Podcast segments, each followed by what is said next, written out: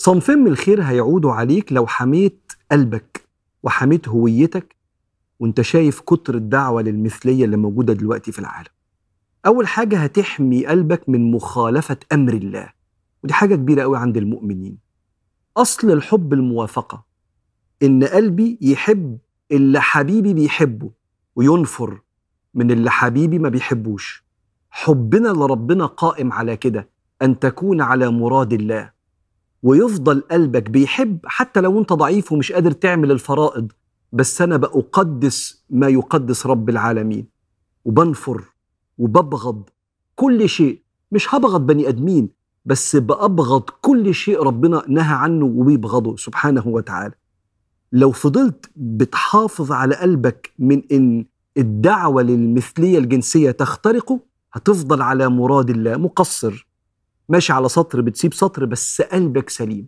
يوم لا ينفع مال ولا بنون إلا من أتى الله بقلب سليم. وده أصل النجاة إنك تروح لربنا بقلب يرضى عنه. سيدنا لوط يوم ما نهى قومه قال أتأتون الذكران من العالمين؟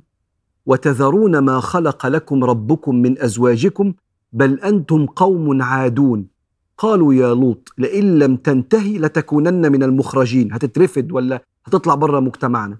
قال إني لعملكم مش ليكم لعملكم. الإنسان عنده رحمة للكل بس العمل ده ببغضه وهحافظ على بغض قلبي للعمل ده. قال إني لعملكم من القالين. رب نجني وأهلي مما يعملون فنجيناه وأهله أجمعين. ده اللي إحنا بندور عليه. أن أنجو من الدعوة للمثلية. بثباتي على هويتي اللي إحنا اتعلمناها في بلادنا وفي ديننا. الخير التاني اللي هيعود عليك لو حافظت على هويتك إنك لن تساهم في نشر رذيلة تهدم الإنسانية. عقيدتنا إن اللي ربنا بيحبه ده اللي بيبني الإنسانية واللي ربنا ما بيحبوش ده اللي بيهدم الإنسانية. لأن ربنا هو اللي خلق الإنسان وهو اللي يعلم هو اللي قال كده. ألا يعلم من خلق؟ وهو اللطيف الخبير. عشان كده ربك يقول على الناس اللي بتدل على الخير وما بتدلش على الشر.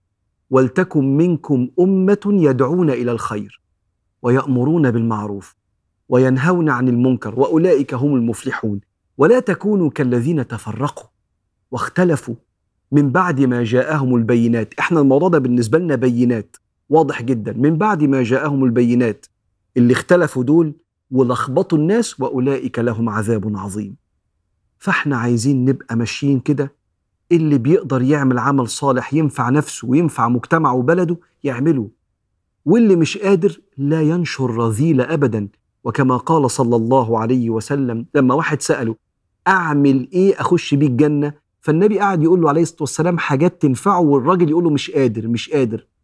قال أن تحبس شرك عن الناس. تلك صدقة منك على نفسك.